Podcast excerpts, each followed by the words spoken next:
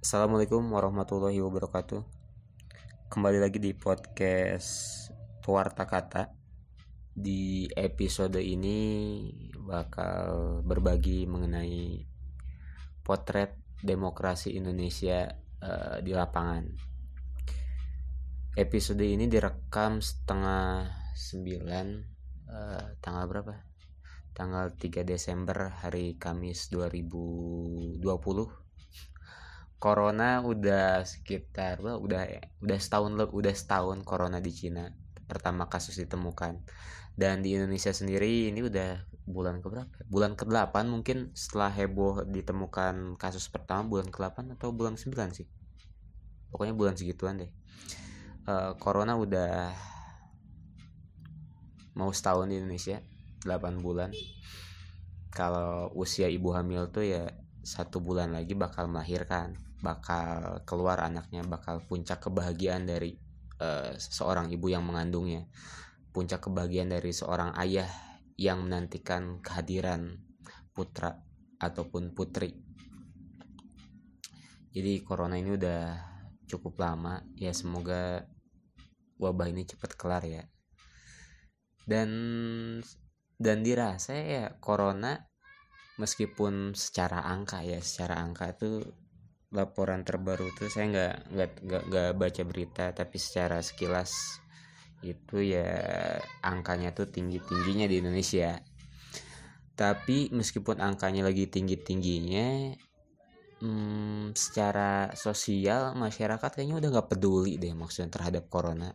Kayaknya udah bodoh amat deh corona corona orang-orang udah pada keluar juga protokol kesehatan bodoh amat bisa dilihat mungkin teman-teman kalian juga kayak gitu udah bodo amat berbaur ya berbaur interaksi-interaksi nggak ada cuci tangan nggak ada jaga jarak nggak ada pakai masker ya udah semuanya udah normal. Semuanya berjalan aja normal seperti biasa sekarang ya meskipun corona itu masih ada.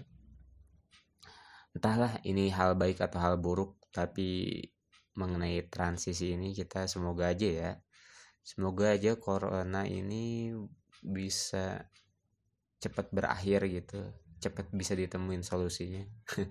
Terlalu naif gak sih kalau berharapan kayak gitu? Semoga aja enggak ya. Ya semoga dunia ini bisa kembali uh, secara normal. Seperti sedia kala sebelum corona nih ada ya bisa normal kembali. Semoga aja kayak gitu. Kayak gitu corona udah udah ya, udah udah 8 atau 9 bulan di Indonesia. Dan dirasa dunia makin memba membaik sih. Secara berita secara sosial ya meskipun entah kebaikan itu karena ketidakpedulian ya itu hal lain. Yang penting secara sosial nih secara masyarakat secara uh, apa ya secara secara apa ya secara secara apa istilah yang tepat secara pribadi lah secara pribadi ataupun secara masyarakat tadi. Ya udah kita pakai istilah itu aja. Secara masyarakat ya corona nih udah udah udah udah udah udah bodoh amat ya udah udah udah nggak ada. Kalau secara masyarakat secara, secara kulturnya ya, udah nggak ada. Ya meskipun secara pemerintahan pemerintah tetap harus tetap menyelesaikan corona vaksin program-program yang menyesuaikan pendidikan, politik semuanya harus berjalan. Dan semuanya harus diatasi oleh pemerintah. Ya gitulah itulah gunanya pemerintah kan? Pemerintah kan gunanya itu. Kita punya pemerintah tuh untuk menyelesaikan, semua masalah. Ya gitulah. Semoga corona cepat berlalu cepat selesai ya coronanya. Tadi menyambung pembahasan tentang wajah demokrasi Indonesia di lapangan. Sebentar lagi 9 Desember itu ada pilkada serentak seluruh Indonesia. Enggak seluruh apa enggak seluruh kota atau kabupaten ya. Enggak seluruh kota, enggak seluruh wilayah, tapi sebagian besar menyelenggarakan ini. Pilkada serentak 2019.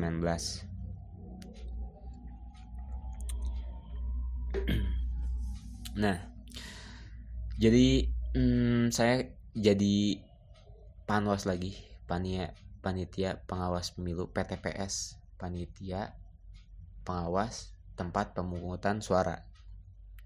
Ini bukan yang pertama tahun sebelumnya juga udah jadi PTPS ataupun Panwas di 2019 di 2019 itu pertama jadi Panwas dan itu sangat tidak menyenangkan.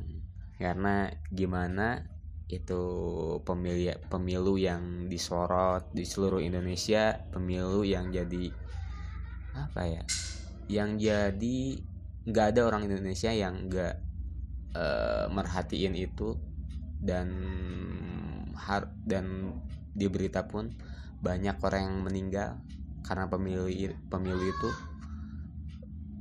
KPPS kelompok penyelenggara pemungutan suara banyak meninggal panitianya banyak meninggal juga. Sampai sekarang kasusnya ya sudah. Ya gitulah teman-teman bisa follow up kasusnya gimana tuh yang kemarin meninggal di 2019 kelanjutannya gimana tuh? Terus gimana tuh lawan paslonnya yang yang kemarin tuh ngotot-ngototan 2019 berbeda? Katanya kami beda dengan dia dia tuh gini gini gini saya lebih baik. Tapi ya nyatanya pada akhirnya mereka bergabung juga satu satu. Satu suara mereka tuh gabung. Ya korbannya siapa ya? Masyarakat. Jadi ya catatan buat teman-teman yang ngedengerin. Politik tuh ya kita nggak kita nggak nggak nggak harus gitu. Nggak harus ngotot banget di politik tuh karena politik tuh fleksibel.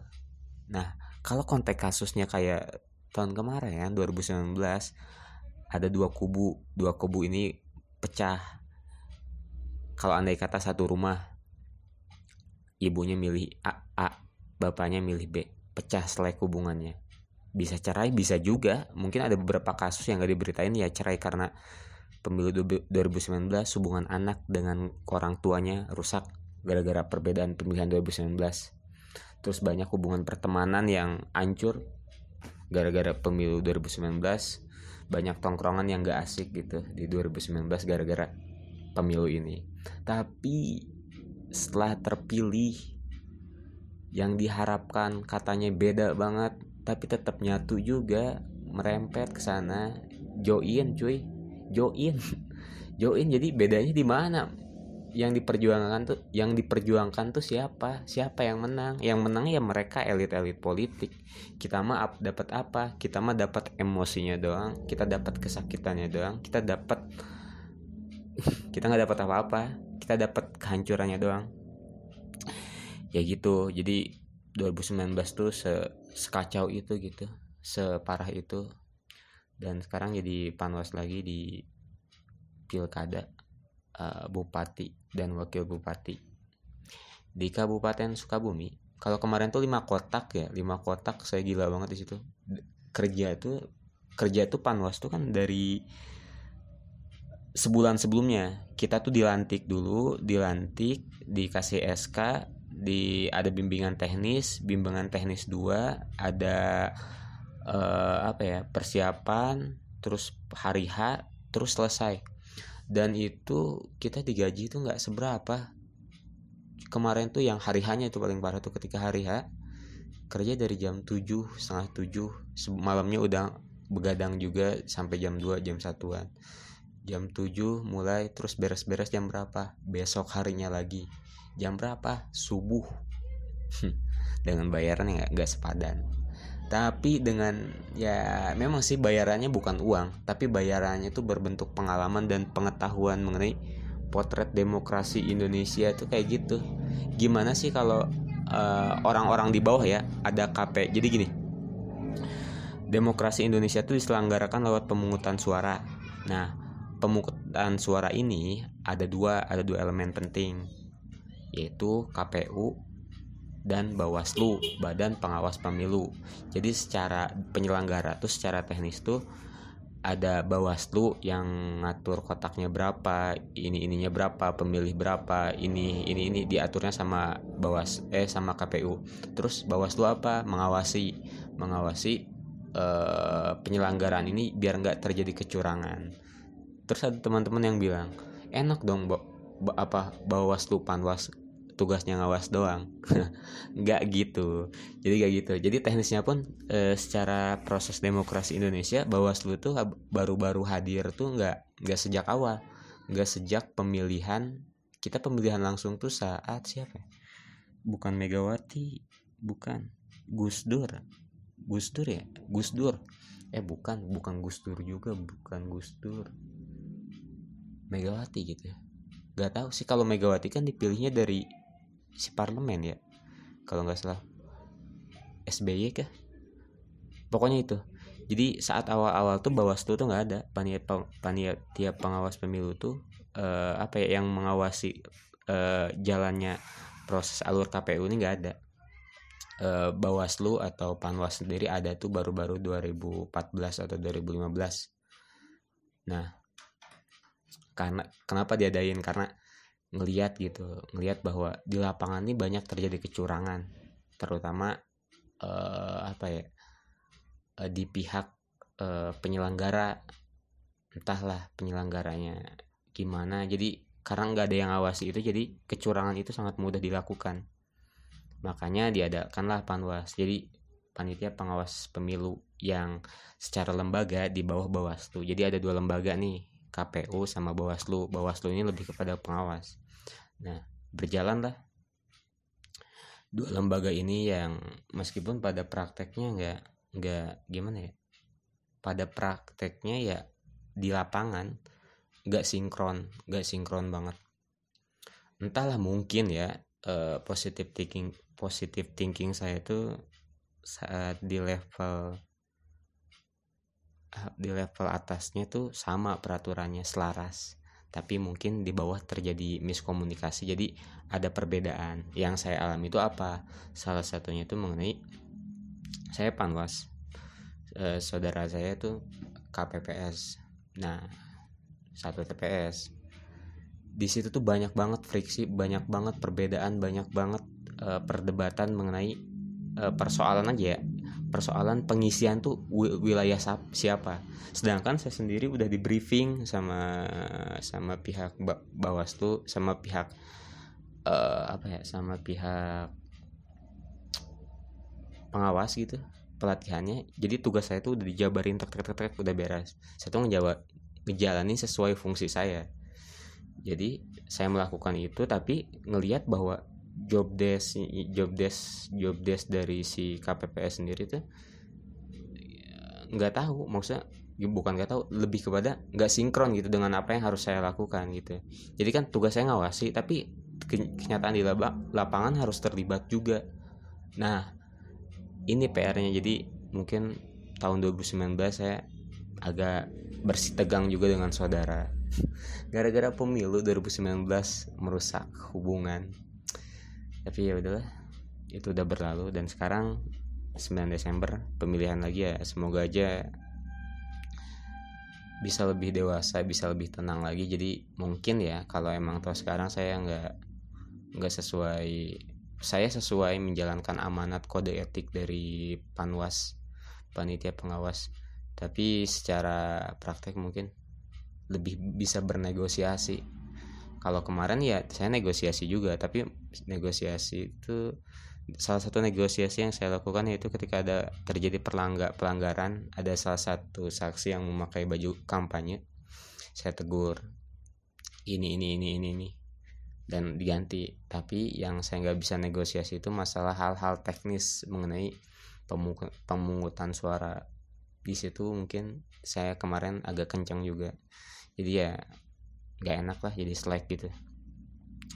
Dan mungkin ya saya tuh ngerasa bahwa bahwa mungkin ya di atasnya mah baik-baik aja e, aturannya selaras tapi mungkin di bawahnya nih agak miskomunikasi atau gimana.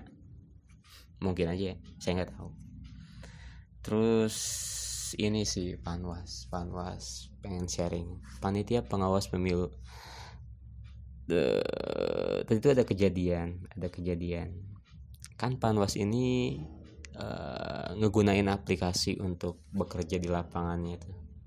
Pakai aplikasi namanya Siwaslu. Dan umur umurnya tuh umur umurnya tuh sekitar udah berapa ya? Udah 40 50 60-an lah. Yang mudanya itu cuman segelintir cuman beberapa. Nah ketika pemakaian aplikasi ini lucu banget. Generasi-generasi 80 70-an gitu. Mereka tuh nggak bukan maksud gimana ya? Mereka tuh agak kesulitan buat menggunakan itu. Mereka tuh bingung gitu. Kalau saya pribadi ya ya udah maksudnya bisa. Dan kalau andai kata ada kesalahan teknis saya nggak bingung karena kan jelas jelas gitu maksudnya penggunaannya gimana. Tapi kalau bapak-bapak itu kakek-kakek itu menggunakan aplikasi ini mereka tuh kasihan banget mereka kebingungan gini gini gini terus nanya lagi nanya lagi nanya lagi nanya lagi. Sisi lain ya saya sendiri ngejawab lah ngejawab lah tentu ngebantuin kan. Tapi kalau terus terus ditanya seperti itu ya saya juga pusing juga. Jadi akhirnya itu hal yang lucu gitu. Gimana kita lihat ketimpangan gitu. Untuk kita yang lahir tahun 90-an milenial lah. Milenial milenial milenial milenial. Mungkin milenial gak tau lah pembagian generasi Z gitu. Siapa sih orang ngebagi klasifikasi kayak gitu? Ribet banget. Jadi orang-orang yang lahir 90 atau tahun 2000-an nih orang-orang yang cukup cukup cukup apa ya? Cukup tepat gitu lahirnya. Karena lahir di era transisi di mana teknologi itu di zamanan kita tuh lagi berkembang-kembangnya. Jadi kita tuh bisa menyesuaikan dengan proses perkembangan yang ada Nah, jadi untuk penggunaan secara digital itu bukan hal yang sulit. Tapi bayangin nih, orang-orang 8 tahun 80, tahun 80-an, 70 bahkan 60-an pun pakai aplikasi itu mereka tuh banyak kesulitan. Yang pertama karena gaptek itu ya. Maksud kita nggak bisa nyalahin, nggak bisa nyalahin mereka kenapa sih gaptek banget nggak nggak ngerti teknologi? Kita nggak bisa nyalahin ke situ. Karena ya memang begitu adanya kita mau nyalahin apa coba? Ya mereka berkembang di zaman seperti itu. Kita nggak bisa nyalahin. Mereka tuh udah, ya udah emang gitu. Nah jadi melihat hal itu tadi tuh lucu banget. Dan cukup cukup menghibur ya meskipun agak menyebalkan itu hal yang itu membuka mata juga sih. Oh ternyata uh, orang tua kita pun ya kayak gitu. Jadi teman-teman kalau anda kata punya orang tua nih nanyain email nanyain apa pun ya coba dibantu deh jangan jangan sok jangan sok gini. Ini aja nggak ngerti. Ya mereka tuh memang nggak ngerti. Makanya ajarinya pelan-pelan. Ajarinya perlahan. Gimana sih mereka ngajarin kita waktu dulu? Ngajarin baca ngajarin hal-hal kecil ke kita ngajarin ngomong ngajarin jalan. Kita balas nih. Jasa mereka sekarang ya kalau teman-teman semua ada orang tua minta bantuan apa pun ya aplikasi yang berbau digital ya bantuin aja. Itu kesempatan birul walidain kita. Cia, bijak sekali ya. E, banyak sekali pesan moral. Dan terus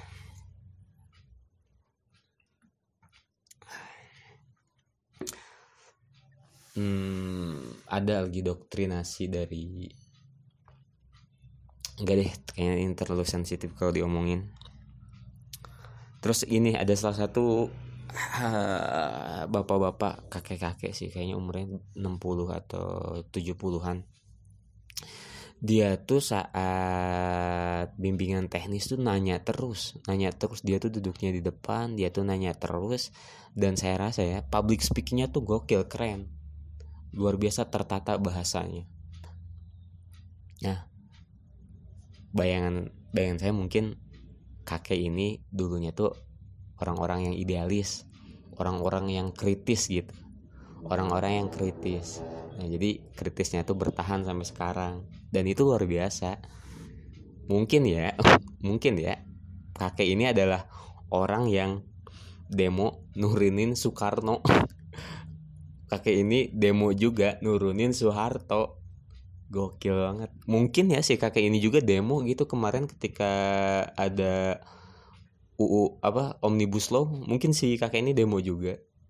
Jadi luar biasa gitu ada loh. Maksudnya sam orang beberapa orang mungkin dikasih apa ya dikasih kesempatan untuk meneruskan idealismenya untuk meneruskan hal-hal yang untuk hal-hal yang apa ya itu tuh biasanya dilakukan anak muda bukan orang tua. Ada beberapa mungkin orang yang beberapa orang yang dianugerahkan untuk bisa melakukan itu sampai tua dan salah satunya kakek-kakek itu. Dan luar biasa respect banget saya melihat si kakek ini nanyain hal-hal teknis gitu.